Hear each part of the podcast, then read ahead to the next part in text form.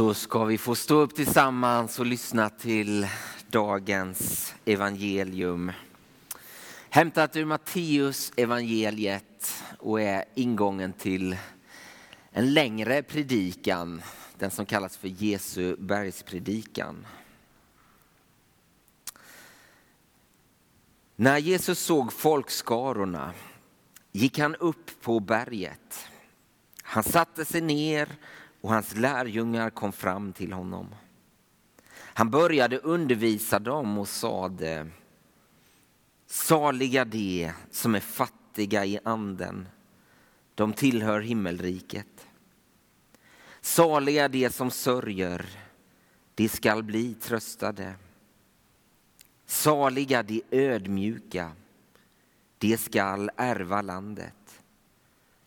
Saliga de som hungrar och törstar efter rättfärdigheten. De skall bli mättade. Saliga de barmhärtiga. De skall möta barmhärtighet.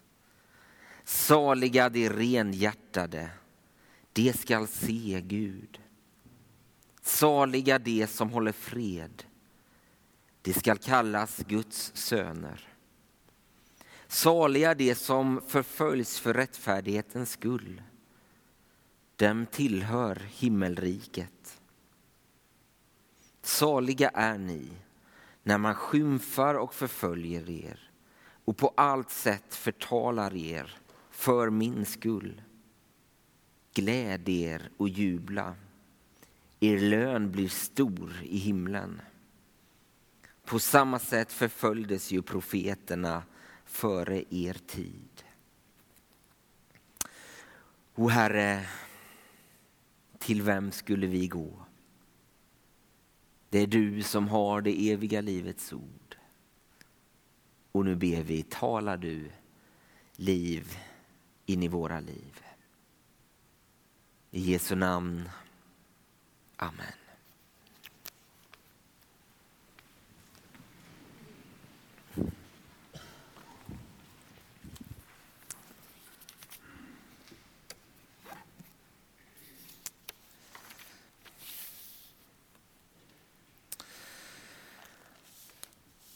Jag har haft lite semester den här veckan tillsammans med familjen. Under några dagar så har vi umgåtts med, med några andra vänner och familjer i ett fritidshus på västkusten. Ett tag så var det ganska många barn på en ganska begränsad yta. Det är väldigt fascinerande att se hur de yngre iakttog de som var lite äldre. Och de gjorde sitt bästa för att hålla jämna steg. Men i vissa fall också härmade både rörelser och vad man uttryckte och sa in i minsta detalj. Det där är ju en del av att formas som människa. Att se och efterlikna andra. Att lära sig ta sig fram här i världen i smått och i stort. Lära sig samspelet med andra. Det där är ju väldigt självklart när, när man ser det så tydligt hos barnen. Men egentligen så är det där precis lika självklart när det gäller att formas till ett liv i Kristi efterföljelse. Imitatio Christi, ett latinskt uttryck som har använts genom kyrkans historia. Att imitera Kristus. Vad den här dagen handlar om, förutom att, att minnas få sörja, få känna saknad och hopp. Det är också att det är helgonen som är temat i kyrkans år. Det handlar om att, att det finns människor, både i vår tid och inte minst då i kyrkans historia, som har gått före på efterföljelsens väg och som vi kan låta oss inspireras av, följa och efterlikna.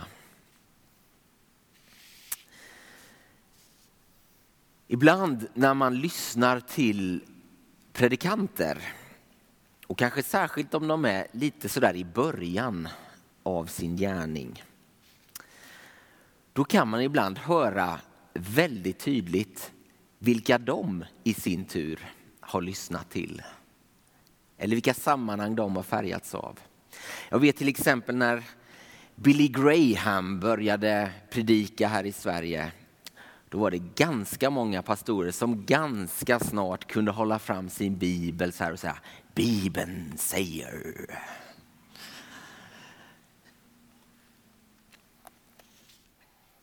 Jag tänker att man ska vara försiktig när man klankar ner på det där. Därför att jag tror att det är en väldigt, väldigt viktig och god skola att låta sig påverkas av förebilder. Nu tar jag predikanter som exempel, det är min värld. Men så är det ju inom alla områden. Vi behöver alla någon som lär oss, visar oss, som vi vill sträcka oss emot. Det är en god utgångspunkt. Sedan gäller det givetvis att hitta sin egen röst och inte bara vara en kopia eller att försöka axla någon annans kostym. Det är också väldigt tydligt i de här många talang och idolprogrammen som går på tv nu. Då gör man ju ofta någon annans låt men det som juryn ofta riktar in sig på, du måste göra det här till ditt eget. Vi måste höra din röst. I en av eh, Torgny Lindgrens böcker, Hummelhonung, då låter han en av berättelsens dårar, Kristoffer, säga Sig själv är man endast när man föreställer någon eller något man verkligen tror på. Alltså det är ett sätt att, att hitta sig själv. Det är också att vilja låta sig påverkas av någon eller något man verkligen tror på. Och egentligen är det enkelt. Det bästa sättet att lära sig att be, det är att lyssna till andra som ber. Det bästa sättet att lära sig en tjänande livshållning är att gå bredvid någon som betjänar andra. Och så skulle vi kunna fortsätta.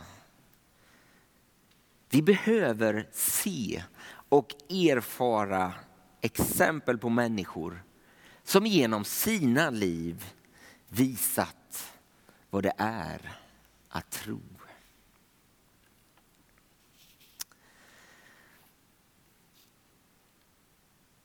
Många av de vackra salmer och sånger som vi sjunger en dag som denna. Det handlar om det himmelska. Och ibland så målas det där himmelska upp på ett sätt som att, att det bara skulle vara något som äger rum någon annanstans. I en annan verklighet, på andra sidan. Då blir dagens evangelietext, saligprisningarna som de också kallas, men inte minst också fortsättningen av Jesu bergspredikan. Det blir ett slags perspektiv där det inte bara handlar om att det himmelska är någon annanstans, bortom. Utan det Jesus gör, det är att föra samman himmel och jord. Och föra de himmelska principerna också till jorden. Det blir något av ett ankare. Saliga de som sörjer, saliga de barmhärtiga, saliga de som håller fred, saliga de som förföljs ja det gäller ju i allra högsta grad livet här och nu.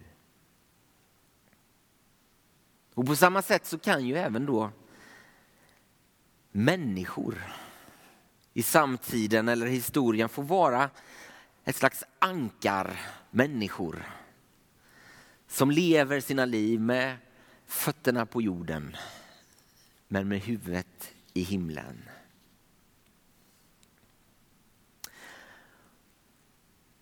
Jag tror att det är slags salighet, det här gamla ordet som inte är alldeles enkelt att hitta någon direkt översättning av.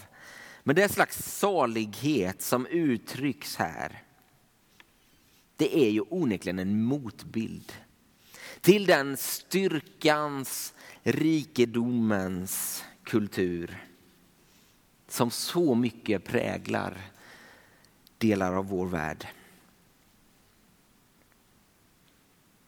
Ta till exempel detta, saliga de som sörjer, de ska bli tröstade. Ja, varför gråter människan? Varför gråter vi? Om vi gör det. Ja, ingen av oss kan gå genom livet utan att fälla tårar. Men vi lever ju i en tid och en del av världen där på något sätt sorgens och besvikelsens känsloyttringar så ofta tystas ned. Gråten som ska behärskas och, och faller man i gråt på ett lite opassande sätt på en opassande tidpunkt då ursäktar vi oss.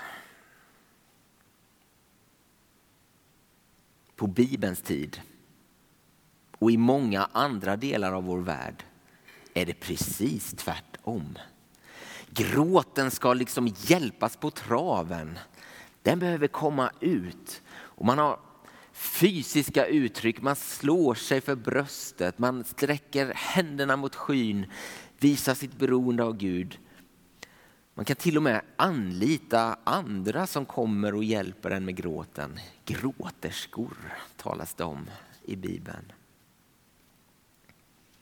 Jag tror att det man då får erfara det är också den läkande kraften som ligger i tårarna och inte minst detta att sörja tillsammans. Att på allvar få känna att man inte är ensam.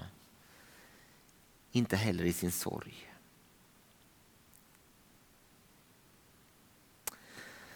Men jag tror också det finns olika slags tårar. Det finns tårar av saknad som många av oss i dagens gudstjänst är väl förtrogna med. Men det finns också tårar som, som rinner av lite mer övergripande orsaker. Över sakernas tillstånd, som vi ibland säger. Att människor tvingas på flykt av andra människor. Att människor dör i Medelhavet. Att det tillfälliga nya hemmet man funnit som ska erbjuda någon slags tillfällig trygghet i ett främmande land sätts i brand. Jag tror att inte minst den sorgen, sorgen över sakernas tillstånd som Jesus adresserar i sin bergspredikan. Sorgen över världens bortvändhet från Gud. Att människan går sina egna vägar. Att hon har låtit rädsla och hat ta över istället för att låta kärlek, frid och beslutsamhet råda. Också i en orolig tid.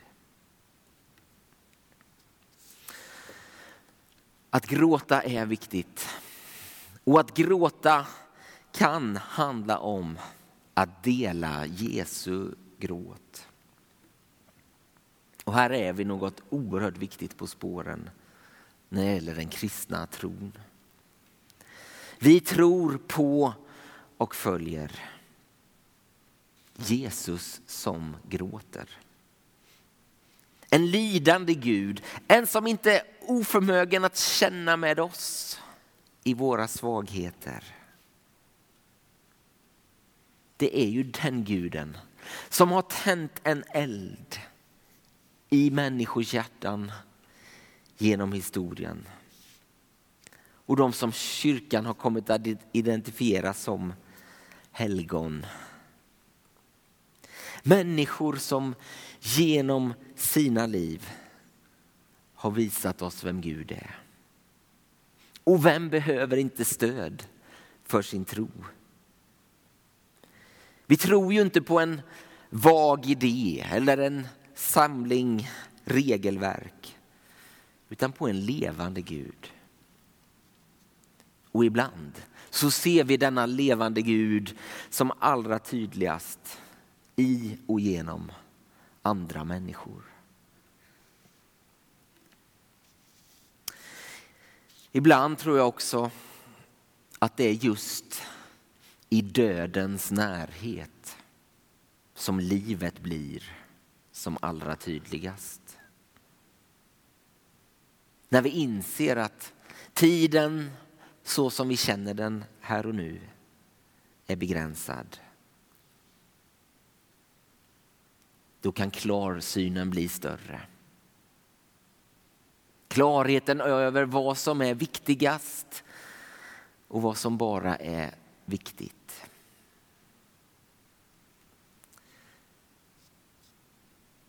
En dansk filosof, Willy Sörensen, han har uttryckt den insikten enkelt och djupt. Så här skriver han. Det är död i livet och liv i döden. Det är mer liv i livet om döden är med. Jag tar det en gång till. Det är död i livet och liv i döden. Det är mer liv i livet om döden är med.